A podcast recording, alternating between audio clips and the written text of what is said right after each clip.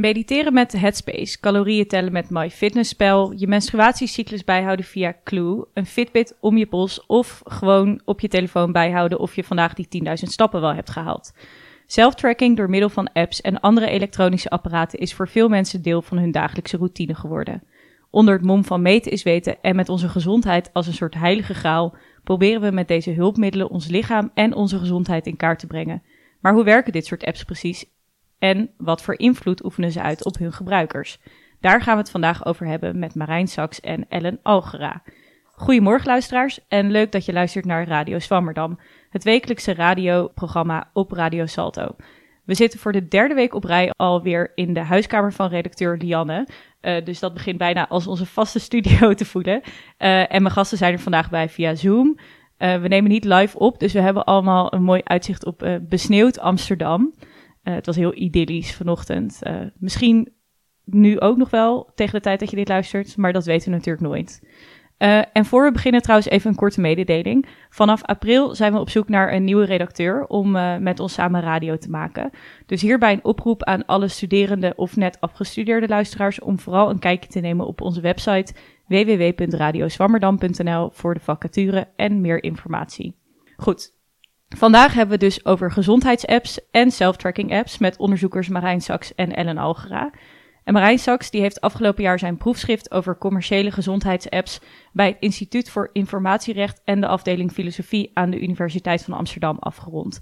In zijn proefschrift kaart hij de spanning tussen empowerment van de gebruiker. Uh, hier heb ik zelf nog geen goede Nederlandse vertaling voor gevonden, het woord empowerment. Volgens mij niemand hier. Uh, en aan de andere kant de manipulatie van de gebruiker uh, aan. En deze spanning lijkt inherent te zijn aan commerciële gezondheidsapps. Hij onderzocht deze spanning vanuit een ethisch en juridisch perspectief. Welkom Marijn, goedemorgen. Dankjewel, leuk er te zijn.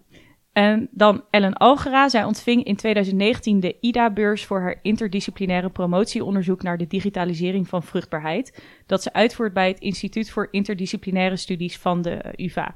Ze zit midden in haar onderzoek dat ze, uh, sorry, en houdt zich op dit moment onder andere bezig met online veldonderzoek naar gebruikers van cyclus tracking apps waarin ze hun vraag naar hun gebruikerspraktijken en beweegredenen voor gebruik. Uh, daarover later meer, maar voor nu welkom Ellen. Dankjewel, leuk dat ik er mag zijn. En verder is via Zoom mijn medepresentator voor vandaag Henok Tesfai aanwezig. Hoi Henok. Hey, goedemorgen. Um, Henok, trek jij jezelf? Track. Um, ja, bedankt voor de verduidelijking. ik hoorde het pas toen ik het zei, toen dacht ik ook. Uh, Kun je ook trekken trouwens. ja, ja, um, ja, sowieso. Althans, uh, ik weet niet hoeveel daarvan bewust is, maar ik gebruik inderdaad, wat je al zei, ik gebruik uh, een Nike Running app en een, uh, ik heb een smartwatch die mijn stappen telt. En daarnaast gebruik ik ook gewoon Google Maps en een Google account wat overal gekoppeld is. Dus getrackt word ik sowieso wel. Ja. Oké, okay, um, Marijn, Jij, laten we beginnen bij jou. Je hebt politicologie en filosofie gestudeerd, maar hoe ben je dan bij gezondheidsapps terechtgekomen? Ja, dat is een hele goede vraag. Uh, ik, ja, deels gewoon toevallig eigenlijk, dat is heel eerlijk. Um, ik was klaar met uh, filosofie studeren en ik was wel geïnteresseerd in onderzoek doen. En ik wist ook wel dat ik in de hoek van technologie en ethiek um, ja, verder wilde met mijn onderzoek. En het is eigenlijk heel simpel. Er was een, eh, een, vacature die ik eigenlijk pas nadat de deadline verstreken was tegenkwam bij het Instituut voor Informatierecht voor een groot interdisciplinair onderzoek over um, de personalisering van uh, eigenlijk onze digitale leefwereld. En die hadden ook een subproject uh, over gezondheidsapps. En ik heb toen gewoon heel eerlijk een brief gestuurd met, nou ja, ik ben geen jurist, dus ik kan eigenlijk niet doen wat jullie willen, maar ik kan wel wat anders doen. Namelijk een ethisch perspectief op gezondheidsapps aan jullie leveren. En nou ja, als jullie willen praten, dan hoor ik het graag. En uh, de rest is geschiedenis, zou ik zeggen. Ja, dus vooral van het verhaal, lever altijd iets in, ook na de deadline. Uh, nou ja, als docent zou ik zeggen, doe dat liever niet. Maar in je professionele leven, als je wil gaan solliciteren, dan uh, ik zou mezelf niet de meest assertieve persoon noemen, maar uh, ik heb wel gemerkt dat het beloond wordt. Ja. In ieder geval in de academische wereld. Dus ja, doe het daar zeker wel. Ja, en je focust je onderzoek, in je onderzoek op uh, specifiek commerciële gezondheidsapps. Uh, en uh, waarom? Of waarom, waarom niet? nou ja, omdat je daar denk ik een hele interessante spanning ziet. Omdat daar um, kijk, gezondheid is natuurlijk een soort van universele waarde. Niemand zou zeggen dat hij of zij tegen gezondheid is. Iedereen wil gezondheid, een soort van hoera-begrip. Maar tegelijkertijd zie je dat het in specifiek de commerciële context, dat er een hele ja, interessante vermenging plaatsvindt. Dat die gezondheid, wat natuurlijk een heel vaag, fuzzy, raar begrip is, ook deels wordt hergedefinieerd voor een commercieel doeleinde. En dat is niet uh, per definitie fout, maar daar ontstaat wel een spanning die ethisch interessant is en die ook juridisch uh, uit het perspectief van regulering interessant is. Dus dat is waarom ik daarop aansloeg en waarom ik ook vanaf het begin heb besloten, ik wil specifiek die hele grote internationale commerciële spelers bekijken. Uh, omdat daar, daar in ieder geval hele interessante spanningen optreden. Ja, want even echt over de puur commerciële kant van die apps. Wat is het verdienmodel van zo'n app en wat merkt de gebruiker hiervan? Uh, nou, er zijn denk ik in de gezondheidssfeer twee dominante verdienmodellen. De eerste is het uh, freemium model. Dat zie je eigenlijk steeds meer. Dat is heel populair. Dus dan download je een app uh, gratis. Je maakt een account aan. En het idee is dat je um, het doel van die app is om jou zo lang mogelijk vast te houden, jou zo geïnteresseerd mogelijk te houden en dan ofwel aan een vorm van upselling te doen, dus jou een soort van premium feature te verkopen. Van nee, je gebruikt nu de gratis versie en dan kun je, weet ik veel, uh, 30 keer iets doen, maar als je dat vaker wil doen, koop dan een abonnement. Ofwel, uh, en dat is trouwens niet um, mutually exclusive, dat kan allebei tegelijk, uh, het verzamelen van gebruikersdata en die simpelweg gewoon doorverkopen. Um, en nog als derde natuurlijk uh, advertentiemodellen. Dus uh, als je heel veel gebruikers hebt, kun je gewoon voor simpelweg meer geld advertenties verkopen. Um, en zo kan een freemium app die je in principe gratis installeert, toch geld verdienen. Uh, en het tweede model is, wat je ook wel wat meer ziet, dus bijvoorbeeld onlangs heeft Strava, een van de grootste ren- en fietstrackers, die zijn helemaal overgegaan naar ehm, abonnementen. Dus die hebben het hele freemium gedeelte er bijna geheel uitgesloopt en eigenlijk alles op vlot gezet en gezegd, oké, okay, vanaf nu is het gewoon 60 euro per jaar en dan krijg je alles en anders, uh, anders niet. Ja, want je hebt hier ook uh, onlangs, afgelopen december, heb je hier een artikel over gepubliceerd in uh, het journal Ethics and Information Technology. En daarin heb je het over een optimalisering model. kun je daar iets meer over vertellen? ja, heel graag. Um, ja, wat je eigenlijk ziet bij, zeker bij van die freemium apps, is dat ze eigenlijk net zoals eigenlijk elke andere freemium apps, of het nou Pokémon Go of Candy Crush is, dat ze op die manier georganiseerd worden. Dus dat betekent dat ze gewoon een aantal metrieken willen optimaliseren. Ze willen zoveel mogelijk gebruikers uh, recruiten, dus binnenhalen. Ze willen die gebruikers zo lang mogelijk binnen het ecosysteem houden. En ze willen die gebruikers zo vaak en zo lang mogelijk in de app laten zijn. Uh, en je ziet als je bijvoorbeeld naar de uh, de vacatures kijkt, dat ze aan de lopende band op zoek zijn naar data scientists die gewoon eindeloos experimenten kunnen runnen om te kijken aan welke knopjes moeten wij draaien en aan welke touwtjes moeten wij trekken om op geaggregeerd niveau zo lang en zoveel mogelijk gebruikers zo lang mogelijk in de app te laten uh, verkeren. Uh, en dat is dan natuurlijk voor hen een van de belangrijkste verdienmodellen. Want hoe meer gebruikers, hoe meer advertenties ze kunnen verkopen. En hoe langer die gebruikers in zitten, hoe meer gebruikersdata ze kunnen verzamelen. En met die gebruikersdata kun je weer beter het ecosysteem optimaliseren. Dus het is een soort van vliegwiel wat je moet aanzwengelen. En als dat eenmaal goed loopt, dan uh, kun je zoals MyFitnessPal 200 miljoen gebruikers krijgen. Ja, dus als je het dan hebt over het optimaliseringsmodel, dan gaat het echt om optimalisering van, um, ja, hoe zeg je dat, user engagement in de app. Ja, dus ja, de, zeg maar, je hebt natuurlijk altijd zo'n hele literatuur over hippe Silicon Valley termen. Dus het gaat over, het gaat over recruitment, retention, engagement en conversion. En conversion is dan uiteindelijk het einddoel dat je een, een gebruiker convert in een, ge, in een betalende gebruiker. Ja. En idealiter zijn die metrieken zo dat natuurlijk uh, zoveel mogelijk gebruikers zo goed en zo efficiënt mogelijk geconvert worden, zodat er zoveel mogelijk uh, euro per, uh, per minuut in de app wordt geconvert. Nou, dat kun je allemaal optimaliseren. maar dat is het uiteindelijke doel, ja. Ja, nou, dat klinkt heel sectarisch allemaal. Um, maar dus oké, die apps die hebben natuurlijk ook wel, uh, zou je denken, als doel om de gezondheid van de gebruiker te bevorderen. Dat is in ieder geval hoe ze zichzelf profileren. Maar welke definitie van gezondheid houden uh, de meeste commerciële apps daarin aan?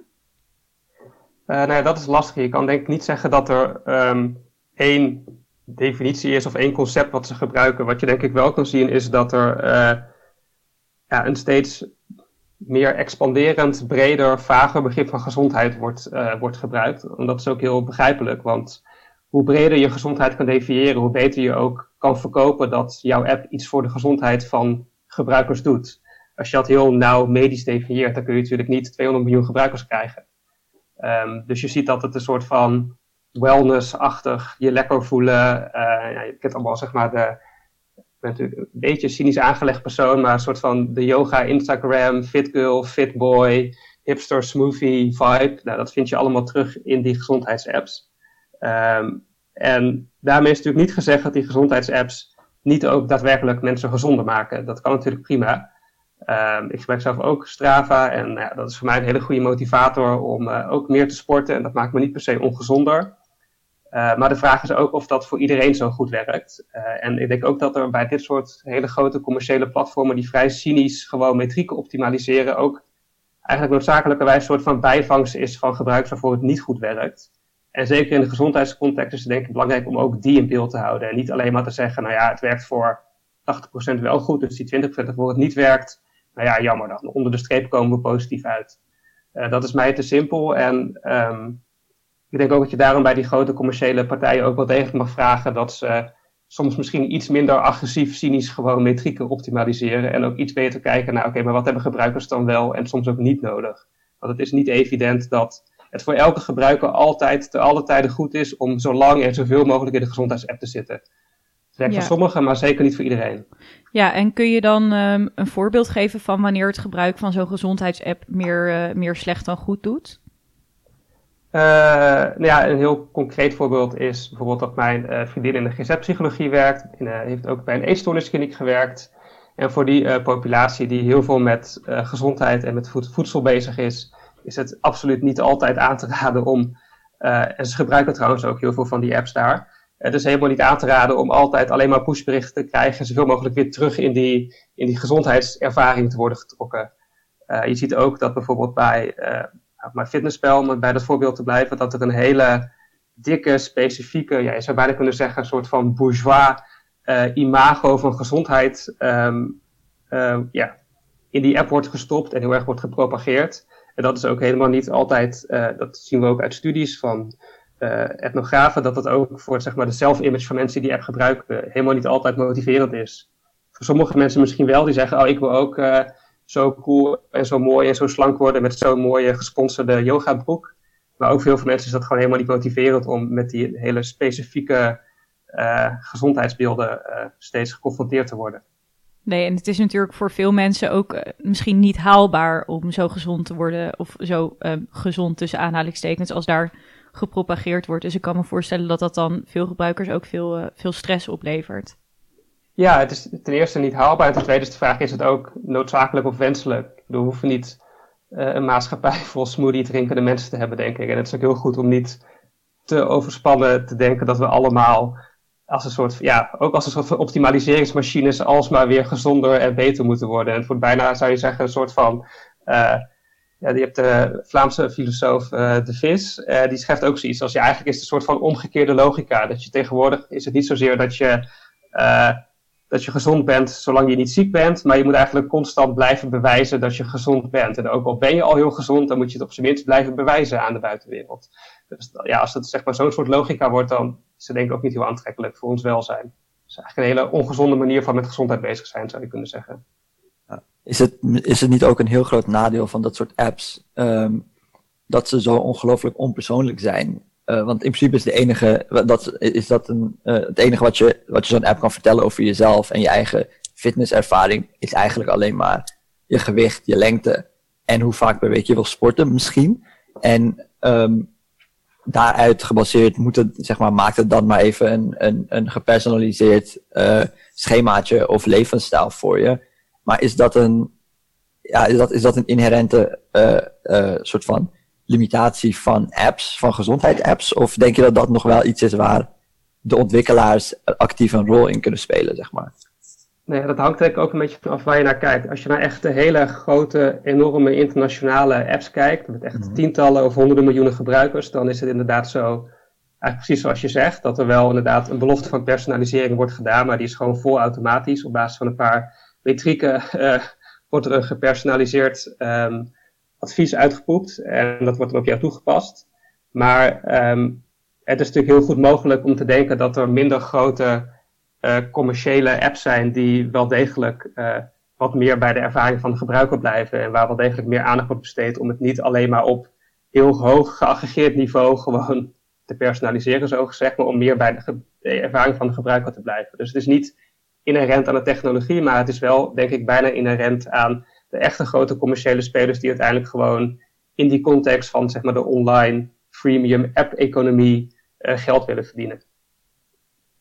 Ja, Ehm, en zoals we uh, aan het begin van het gesprek al zeiden, uh, is dat jij je focust op de spanning tussen aan de ene kant dus die empowerment van gebruikers. wie dus hier een goed Nederlands woord voor heeft, mag mailen naar ons. Graag. Dat zou ik um, ook graag ehm, horen. Ja, en aan de andere kant de manipulatie van gebruikers. en hoe zou je manipulatie definiëren in deze context? daar heb je even. Um, ja, dat is heel Kort gezegd. Kort gezegd. Uh, kijk, als filosoof zoek je concepten die jou helpen om de wereld te begrijpen en te beschrijven en eventueel te evalueren. En manipulatie, dat is zo'n term die de laatste drie, vier, vijf jaar enorm opkomt om ja, ons iets te zeggen over uh, zeg maar de digitale samenleving en de digitale omgeving waar we steeds meer keuzes in maken. Um, en intuïtief sluit die term denk ik heel goed aan bij uh, veel zorgen die we hebben over die digitale omgeving, omdat de term manipulatie in ieder geval intuïtief gaat over een beetje verdekt, sneaky, half of helemaal achter de schermen proberen het gedrag van mensen te beïnvloeden voor je eigen gewin. Dus uh, als je dat filosofisch dan iets meer wil uitpakken, uh, dat kun je natuurlijk op heel veel manieren doen, maar ik heb ervoor gekozen om het zo te definiëren als eigenlijk een um, een bewuste invloed die je wil uitoefenen op iemand anders voor je eigen gewin. Dus je wil eigenlijk andere mensen onderdeel maken van jouw plannetje voor je eigen gewin. En dat doe je door um, te zoeken naar elementen, karakteristieken in de personen die je wil manipuleren, die je kan uitbuiten om hen zo voor jouw plannetje te winnen. Om het heel simpel te zeggen. Dus het zit zeg maar eigenlijk, ja, wat je wel vaak leest op een soort van spectrum van, van invloeden. Dus je kan aan de ene kant heb je de, uh, de, de persuasieve uh, invloeden. Dus dat is het proberen rationeel met argumenten iemand te overtuigen van, goh, ik heb deze en deze en deze reden voor je. En als je die accepteert, nou, laten we dan naar de film gaan.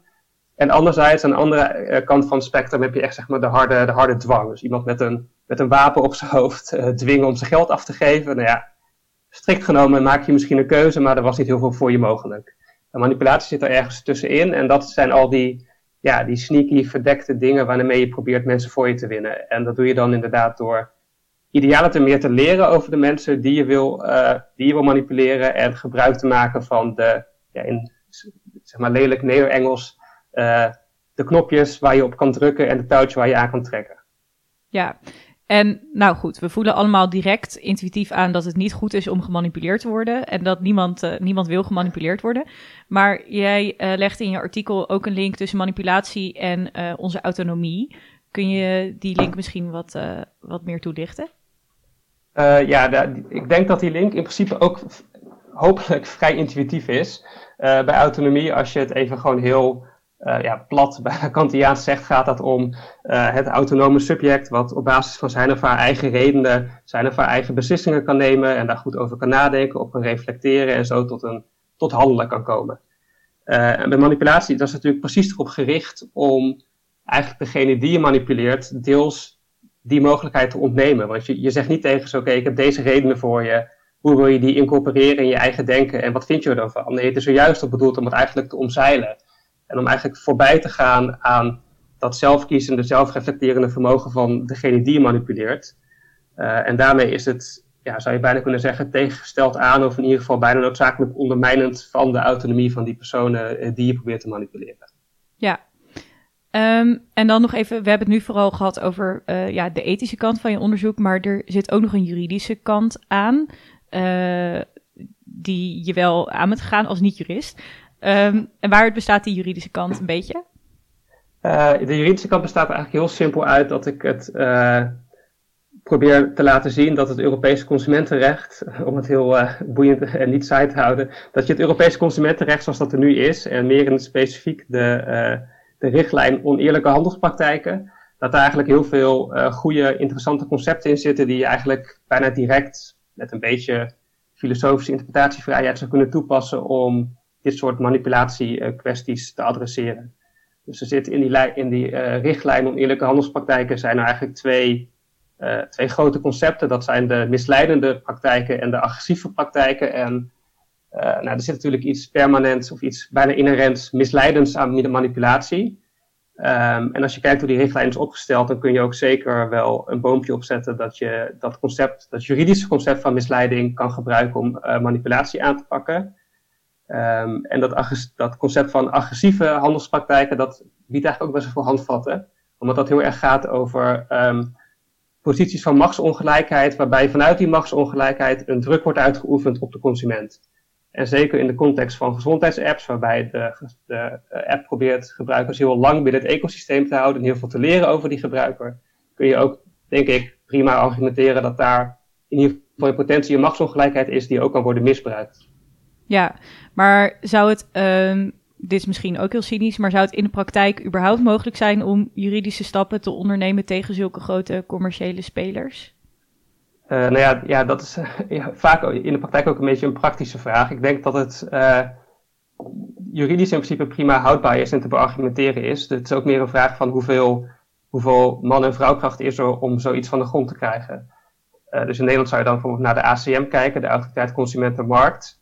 Uh, ja, daar werken niet 40.000 mensen die uh, alle apps in de App Store even goed kunnen gaan reguleren. Dus bij de ACM moeten ze ook heel strategisch kiezen van ja, wat vinden wij onze hele beperkte aantal FTE's waard en waar kunnen we onze aandacht aan besteden.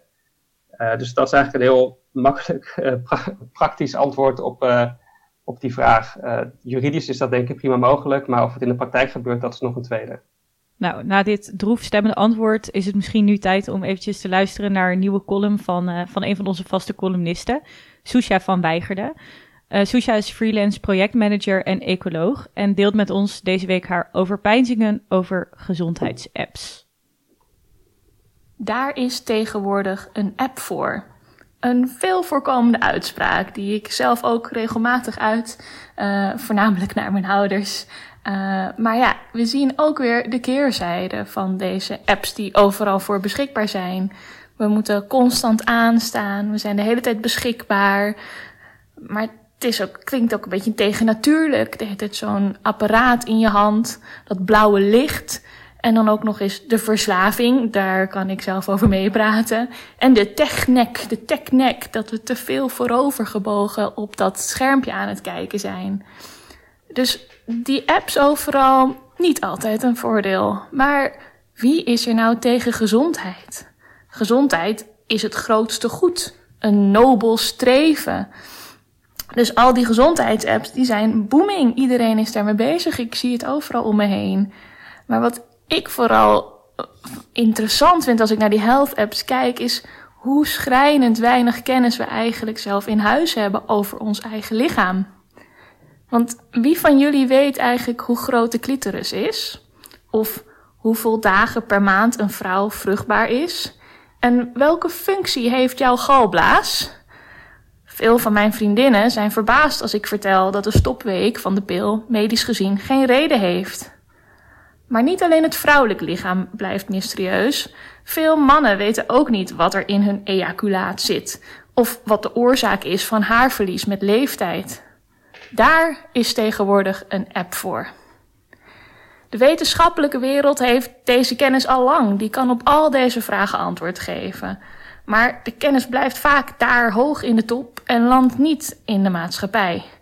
Terwijl veel van deze kennis de levenskwaliteit van elk individu kan verbeteren. Knowledge is power.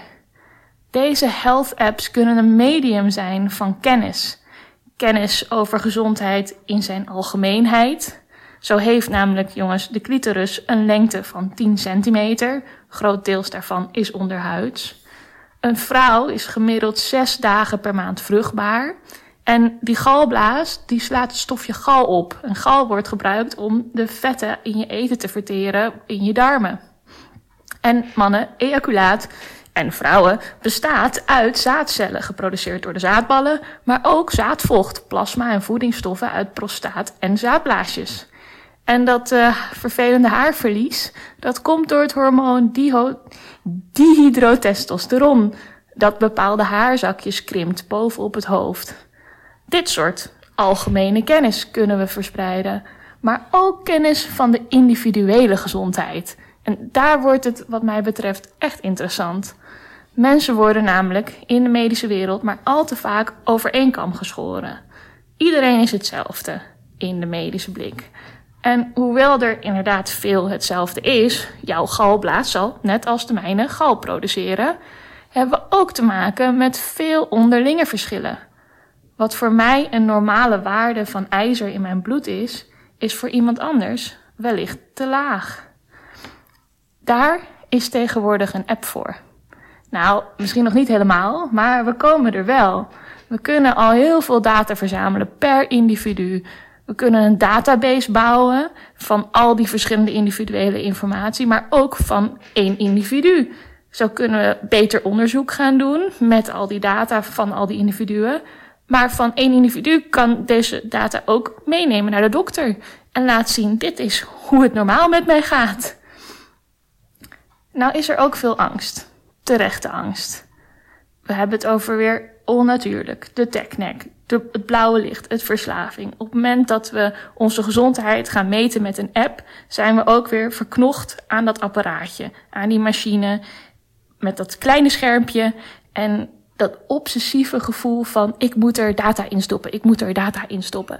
In plaats van laat ik eens lekker naar buiten gaan en die telefoon binnen laten liggen. En wat ook een belangrijk punt is, zal elke app wel verantwoord omgaan met de data. De juiste kennis delen met de gebruiker? Ik weet het niet. Kennis is niet alleen een kracht, maar het is ook niet echt tegen te houden. Dan rust ons dus nog de vraag: is daar niet tegenwoordig een app voor? Yes, dankjewel Susha voor de mooie column. Um, en zoals Marijn al opmerkte in onze Zoom-chat, wat een perfect bruggetje naar uh, het onderzoek van Ellen. Uh, want Susha noemde het natuurlijk al eventjes, uh, je cyclus bijhouden in een app. En dat is, dat is eigenlijk precies waar jij onderzoek naar doet. je doet namelijk onderzoek naar de digitalisering van vruchtbaarheid. Um, en je onderzoek is nog in volle gang. Waar ben je op dit moment mee bezig?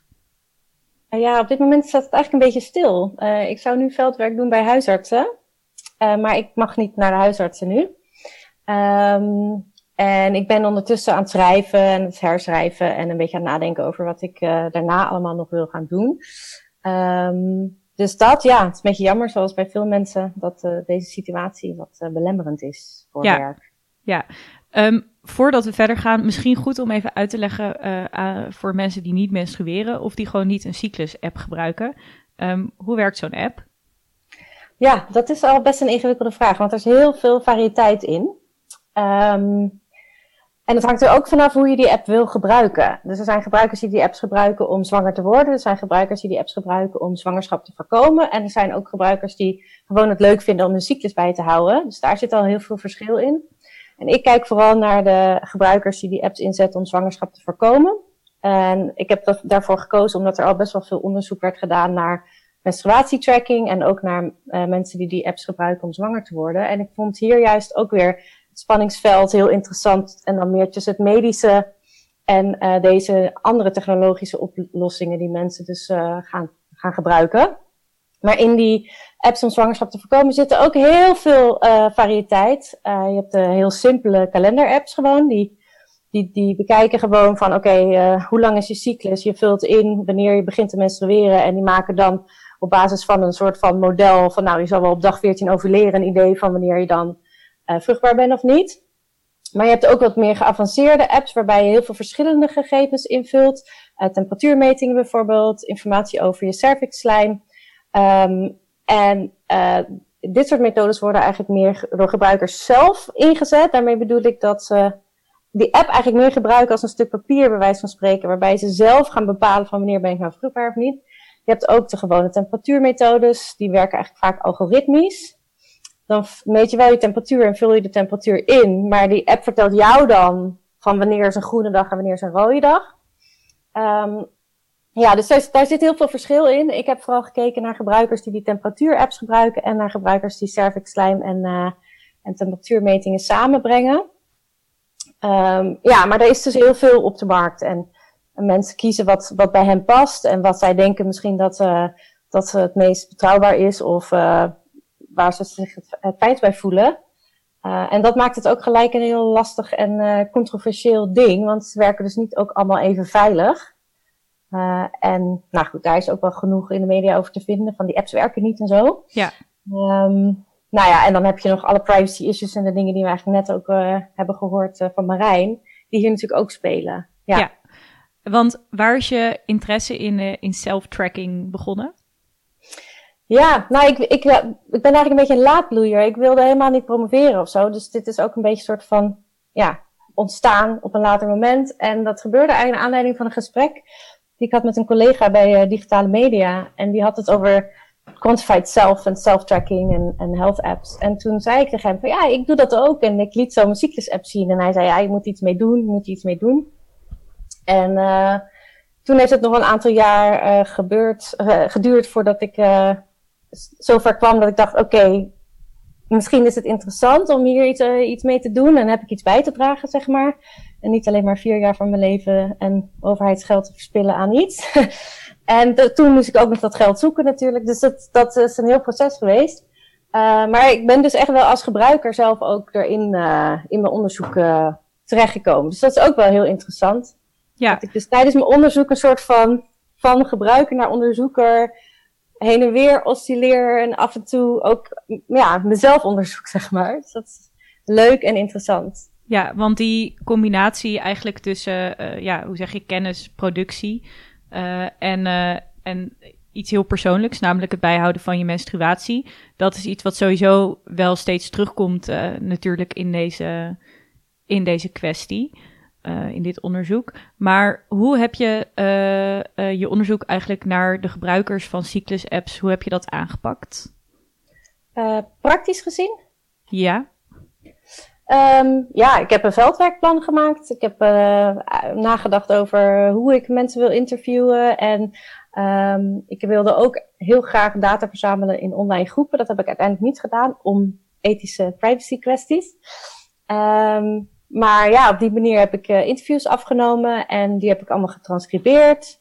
En die heb ik geanalyseerd. En op die manier heb ik gekeken van oké, okay, wat voor thema's spelen er? Hoe gaan mensen nou om met die apps elke dag? En wat, wat ja, in welke zin zijn die apps voor die mensen betekenisvol en productief? Dat was eigenlijk de vraag. Ja. ja. En wat is de motivatie uh, die je het meest tegenkomt bij gebruikers om zo'n app te downloaden of om te beginnen met zelftracken? Ja, ja, ik heb niet direct gevraagd naar motivaties. Ik heb wel gevraagd van hoe ben je bij die apps terechtgekomen. En, en een heel groot thema is, uh, ik wilde iets zonder hormonen. Uh, dus je ziet eigenlijk heel veel dat, uh, dat de gebruikers eerst andere vormen van anticonceptie hebben gebruikt. dus de hormonale middelen bijvoorbeeld, of een koperspiraal. En dan uiteindelijk iets anders zoeken. Ja, dus dan, het is niet zo dat mensen heel erg enthousiast zijn over het idee van self-tracking. Maar het is meer dat dat eigenlijk het enige alternatief is. Misschien als je niet aan de hormonen wil of aan de koperspiraal. Ja, het is denk ik een combinatie van uh, een trend waarbij mensen steeds meer met deze technologieën bezig zijn. En uh, een soort van ja, negatieve uh, ideeën of, of iets anders willen dan, dan die hormonale oplossingen. En dan daarbij zie je ook nog wel dat er dat de informatievoorziening heel interessant is. Dat mensen inderdaad via Instagram of via advertenties op Facebook bij deze methodes terechtkomen inderdaad niet eigenlijk via de huisarts. Dus dat, dat is gewoon wel interessant. Dat je ziet dat er een heel ander soort speelveld ontstaat. Waarbij die apps ook zoeken naar manieren om, om bij die gebruikers terecht te komen. En dat ze op die manier eigenlijk zelf op onderzoek uitgaan. En dan, um, ja, dan terechtkomen bij een methode waar ze zichzelf het prettigst bij voelen. Ja, ja want ja, je zei het al een beetje, maar self-tracking wordt uh, als alternatief anticonceptiemiddel of überhaupt als anticonceptiemiddel eigenlijk vrijwel nooit voorgeschreven of aangeraden door artsen en gynaecologen. Uh, sterker nog, veel van hen spreken zich gewoon best wel fel uit tegen het gebruik van een self-tracking app. Bijvoorbeeld uh, gynaecoloog Noor Paridaans, die in een artikel in de Linda de apps zeer ongeschikt noemt als anticonceptiemiddel. Um, is dat terecht? Um, ja en nee.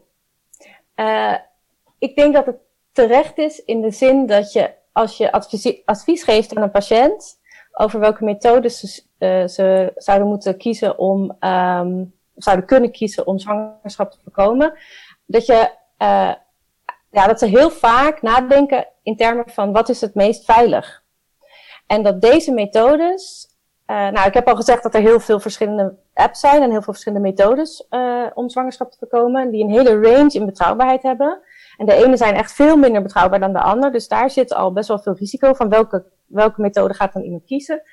En het tweede probleem is dat als je eenmaal een best betrouwbare methode hebt gekozen, dat je dan alsnog wel elke dag eh, zo goed mogelijk al die dingen moet bijhouden en die regels moet toepassen. En dat, dat kan, zeker. Ik bedoel, het is echt geen rocket science. Um, maar ik denk dat het over het algemeen lastig is om even in een consult van 10 minuten te bepalen of iemand inderdaad dat allemaal gaat doen en uh, kan doen. Um, ja, dus ik denk dat dat lastig is voor de, voor de zorgverleners om. Um, goed, ik ben dat veld ook echt met die zorgverleners nog aan het doen, dus ik moet daar nog echt resultaat uit krijgen. Maar ik denk dat dat, dat eigenlijk de hesitance, de.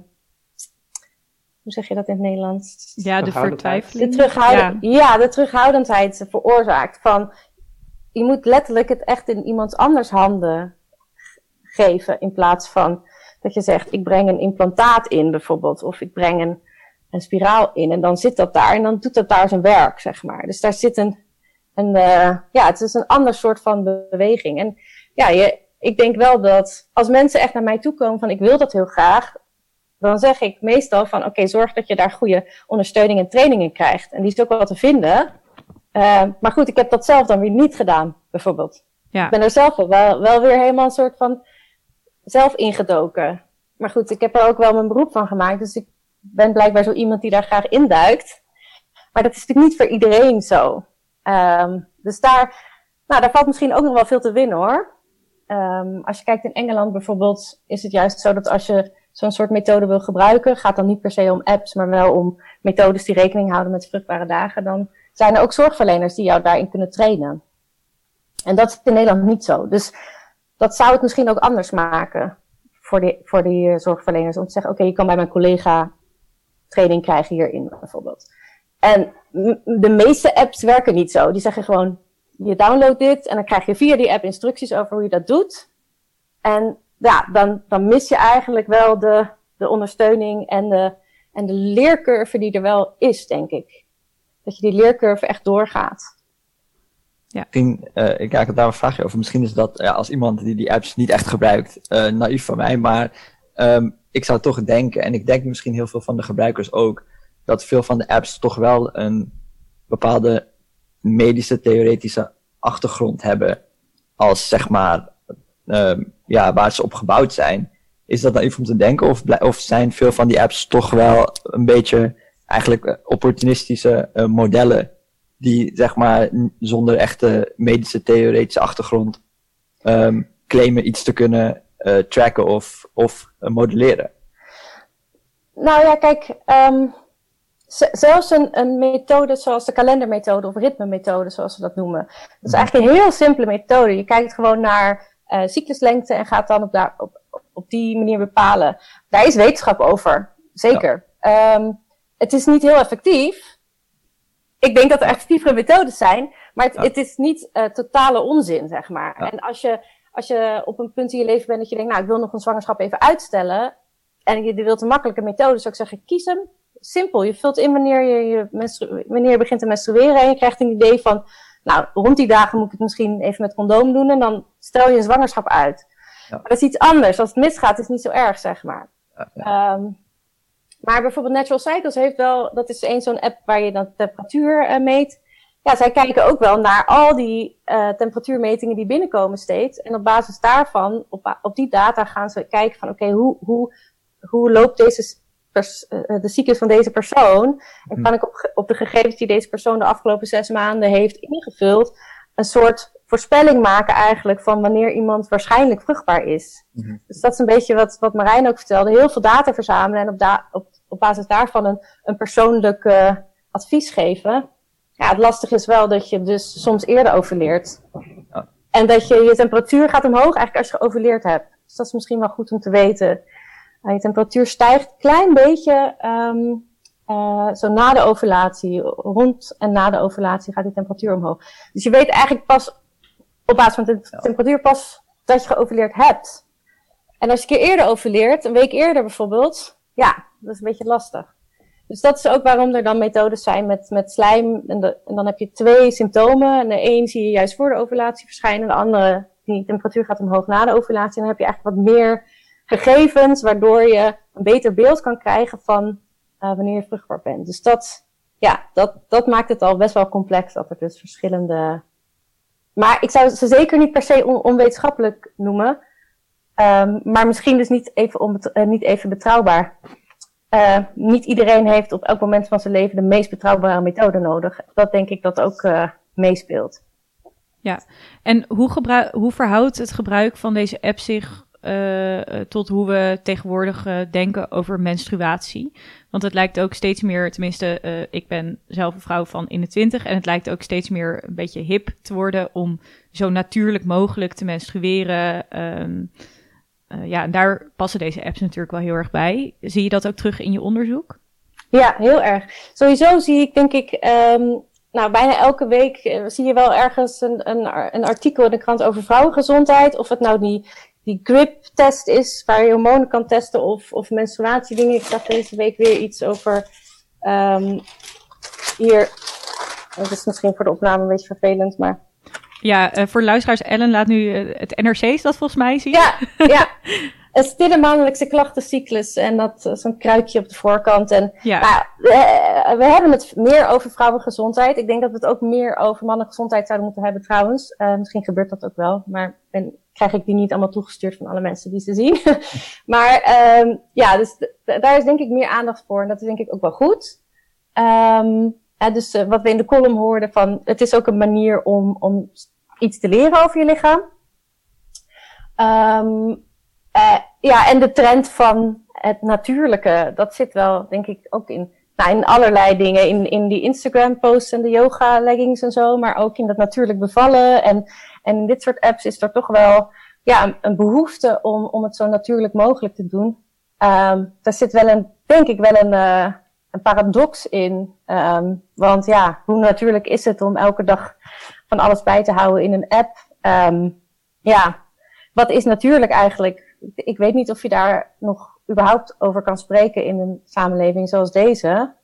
Um, ja, dat onderscheid tussen wat natuurlijk en niet natuurlijk is, is natuurlijk ook maar gewoon een onderscheid dat wij op dit moment zus of zo maken. Ja, dus daar zit denk ik een beetje een, uh, een paradox of spanning in. Ja, ja, want je gaat dan uh, misschien voor, dat het voor sommige vrouwen kan voelen als een soort van verzet tegen de norm, om dan over te stappen naar hormoonvrije anticonceptie, maar dan conformeer je eigenlijk weer naar die norm van zo natuurlijk mogelijk. Dus dan verschuift er wel iets, maar of je dan helemaal normvrij bent, is, uh, is dan voor mij een beetje onduidelijk. Ja, zeker. En ik denk wel dat het inderdaad een beweging is weg van dat idee dat we steeds maar hormonen moeten slikken en dat dat wel eerst de norm was.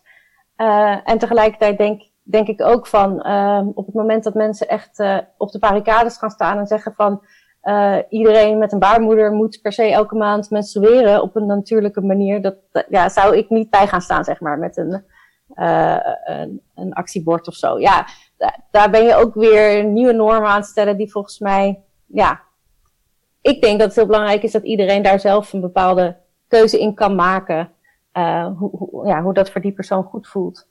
Ja. En er zijn zeker mensen met een baarmoeder die niet menstrueren, die graag de pil lekker doorslikken en of, of een spiraal gebruiken. Ja, tuurlijk, prima. Heb ik ook jaren gedaan en kan heel fijn zijn en uh, je hoeft er niet over na te denken en uh, het werkt, weet je. Dus. Ja, maar het, het is toch goed voor vrouwen om te weten dat dit ook een, uh, een, een echt een goede optie is. En daar zou, uh, daar zou inderdaad wel wat meer aandacht voor mogen komen. Het, ja, het kan een goede optie zijn voor sommigen. Ja, zeker. Ja, en we hadden het net ook al een beetje erover, want cyclus-apps die verzamelen echt enorm veel data over hun gebruikers. Al helemaal die, uh, die echt een methode gebruiken met, met temperatuurmeting. En in het verleden zijn er ook wel echt datalekken geweest bij zulke apps. Um, en hoe is, daar, uh, hoe is daarop gereageerd onder gebruikers? Ja, sommige gebruikers zijn daar best wel laconiek over. Dat is wel interessant ook als je online discussies ziet. Dat mensen eigenlijk het idee van betalen voor een app, uh, ja, dat, dat zien ze gewoon niet zitten. Uh, terwijl, uh, ja, wat was de quote ook alweer? if you're not paying for the product, you are the product of zo. Ik weet niet meer precies wat het zei, maar ja, daar zitten natuurlijk risico's aan. En ik geloof ook dat gebruikersdata van vrouwen die, die zwanger zijn of zwanger willen worden, het meest waardevol zijn voor bedrijven. Omdat je gewoon gigantisch veel gaat kopen op het moment dat je een kind krijgt. Um, dus daar is zeker ook een hele business achter. Er zijn ook wel weer initiatieven van gebruikers juist om op zoek te gaan naar manieren om bijvoorbeeld zelf een app te ontwikkelen en te maken. Um, die eigenlijk niet meer is dan, dan uh, uh, ja, een soort kader waarbij je uh, zelf gegevens kan bijhouden die echt op jouw apparaat blijven staan. En dus niet ook je hele telefoonboek leegtrekken en allerlei andere dingen bijhouden van welke website je allemaal bezoekt en welke producten je allemaal koopt. Uh, dus daar is ook wel beweging in te zien. En dat is ook wel interessant. Eigenlijk iets waar ik nog niet in mijn artikel ruimte voor had. maar misschien moet ik daar ook nog wat meer over gaan schrijven. Dat dat wel interessant is. Ook allemaal online activisme is dat. Dus mensen die in groepen eigenlijk bij elkaar komen en zeggen: Oké, we gaan zelf maar zo'n app maken. En we gaan het zelf financieren, we gaan het samen, samen uh, ontwerpen. En wat willen jullie voor features in die app hebben, zeg maar. En dan gaan we kijken wie dat kan ontwikkelen. En uh, dan betaal je dus wel een bedrag uh, voor je app. Maar gewoon omdat die gemaakt moet worden en bijgehouden moet worden. En ja, is die dus niet gratis, maar dan ben je in ieder geval zelf het product niet, zeg maar. Ja, Um, dan zijn we langzaam een beetje het einde van de uitzending aan het naderen. En dan heb ik een vraag uh, eigenlijk voor jullie allebei. Um, Marijn, in jouw artikel schrijf je dat als mensen daadwerkelijk gezonder gaan leven door het gebruiken van gezondheidsapps, dat dat eigenlijk maar een byproduct of, uh, of toevallige bijwerking is. Uh, dus mijn vraag is eigenlijk, ja, wat voor zin hebben die apps nog? Wat is, wat is de belangrijkste positieve functie van gezondheidsapps? Uh, ja, dat is een goede vraag. En ook goed dat je dat enigszins cynische zinnetje eruit hebt gehaald. Dat is denk ik ook wel terecht. Um, het is wel goed om even het zeg maar te kaderen in dat dat echt ging over de hele grote commerciële spelers. En dat heb ik opgeschreven vanuit het idee dat uh, je denk ik inderdaad, wat ik net ook al zei, gewoon dominant ziet dat die apps, uh, ja, wat mij betreft gewoon heel cynisch, zeg maar, naar na de dictaten van de, van de app-economie proberen om uh, die bepaalde metrieken te optimaliseren. En het gaat over gezondheid en in de process zijn er ook mensen die gezonder worden, maar uiteindelijk zijn die apps allemaal ooit een keer begonnen met een stel idealisten en zijn ze daarna gewoon heel simpelweg gewoon um, door venture capitalists gewoon gefund en moeten ze elk, elk kwartaal moeten ze gewoon cijfers voorleggen en dat wordt gewoon elke keer opgepompt. En daar worden zeker, terwijl dat gebeurt, mensen gezonder van, maar dat is uiteindelijk niet wat er in essentie achter die bureaus gebeurt. Ook al is het zo dat de individuele mensen die daar werken wel degelijk daar misschien mee bezig zijn. Uh, dus dat is een beetje de context van waarom ik het opschreef. Dat uiteindelijk in, bij de hele grote commerciële spelers is het gewoon alsof, ja, je kan ook met Pokémon Go werken en doe je hetzelfde werk. Gewoon metriek optimaliseren, gebruikersdata in cycli analyseren en de app uh, aanpassen. Um, en goed, ja, zie, ja, dat vond ik ook interessant bij het verhaal van Ellen. Dat is denk ik inderdaad een voorbeeld van uh, dat gezondheidsapps niet per definitie mensen niet gezonder maken. Hè? Dat, uh, zeker als je wat meer, zeg maar, hele specifieke gebruikers die met hele specifieke vragen zitten en daar heel erg bewust mee bezig zijn, dat dat natuurlijk een enorm goed hulpmiddel kan zijn. Maar het is meer dat als het wordt opgezogen in die commerciële maalstroom, dat er dan steeds meer een tendens ontstaat van dat het ook uiteindelijk een bijproduct wordt. Maar dat is niet inherent aan het concept gezondheidsapps uh, zelf, zou ik zeggen. Ja. En Ellen, wat is, voor, wat, uh, wat is voor jou het grootste goed van de gezondheidsapps? Goeie vraag of Henok. Misschien, uh, misschien heb jij na deze uitzending nog een, nog een lans te breken voor de gezondheidsapps. Ik denk. Uh, ik denk eigenlijk dat het. Uh, ja, het grootste goed zou je kunnen zeggen. En dat we hebben het ook al een beetje gehad over dat dat ook een nadeel kan zijn. Maar is denk ik puur alleen het, het bewustzijn. En tot op zekere hoogte de laagdrempeligheid. En ehm, dat, ja, en dat is gewoon het soort van, ik denk, de, de trigger voor mensen om iets te gaan doen aan de gezondheid, is denk ik het grootste, het grootste voordeel. Het, ja, eh, zoals we eerder al zeiden, kan dat natuurlijk, zeg maar, doorrollen naar iets wat ongezond wordt. Maar die initiële trigger, denk ik, ik denk dat dat wel, ik denk dat dat goed is. Maar dit, ja. ik, ik heb het gevoel, want jullie zeggen eigenlijk allebei wel van, oké, een bepaald bewustzijn of zo, er bewust mee omgaan. Uh, en ik denk dat ik dat ook wel bij, bij, mij, bij de gebruikers zie die ik heb geïnterviewd, dat het, dat het echt in het kader ook van het bewust leven en, en inderdaad nadenken over hoe je met je lijf omgaat, allerlei invloeden die op je lijf kunnen, uh, mee kunnen spelen, stress bijvoorbeeld. Uh, en daar echt op een andere manier mee omgaan. Um, en daar ook een soort machtsmiddel in hebben. Dus ook bijvoorbeeld nee kunnen zeggen tegen bepaalde dingen, omdat je denkt, dit is gewoon niet goed voor mijn lijf. En meer contact maken met het lijf. Um, en tegelijkertijd heb ik ook het idee dat dat hele idee van bewust omgaan, um, ja, ook best wel een privilege is, zeg maar. En dat het uh, misschien weer ongelijkheid, nou, als je, als je naar gezondheid kijkt, is er gigantisch veel ongelijkheid. Um, ja, ik weet niet of je dus zomaar kan zeggen, dat is het goede eraan of zo. Er zitten allemaal weer haken en ogen aan. Dus, ja. Ja, daar zouden we eigenlijk nog een hele uitzending over kunnen maken. Over hoe gezondheid een soort van plicht is geworden. Waar natuurlijk helemaal niet iedereen aan kan voldoen. Maar uh, daar hebben we helaas geen tijd voor. Um, want de iTunes uh, die, uh, die wordt zo ingestart. En dat betekent dan dat de uitzending er eigenlijk alweer op zit voor vandaag. Um, Vandaag hadden we het over self-tracking apps met Marijn Saks en Ellen Algera. Uh, en niet alleen eigenlijk over self-tracking apps, ook over andere vormen van gezondheidsapps. Heel erg bedankt voor jullie komst. En ook bedankt hen ook voor de medepresentatie uh, vandaag. Vanmiddag wordt deze uitzending online gezet en dan is hij terug te luisteren op onze website www.radioswammerdam.nl en komt hij als podcast uh, op onder andere SoundCloud, iTunes en Spotify. Reageren op deze uitzending kan op Facebook of op Twitter. Uh, of op Instagram, dat hebben we ook, Radio Swammerdam. Maar gewoon een mailtje sturen kan ook nog steeds naar redactie.radioswammerdam.nl. Volgende week is er weer een nieuwe aflevering, uh, gepresenteerd door Marielle Doedens. En dan wens ik jullie voor nu allemaal nog een hele fijne zondag en een fijne Valentijnsdag. Al is dat natuurlijk ook maar gewoon een commercieel construct. Bedankt voor het luisteren.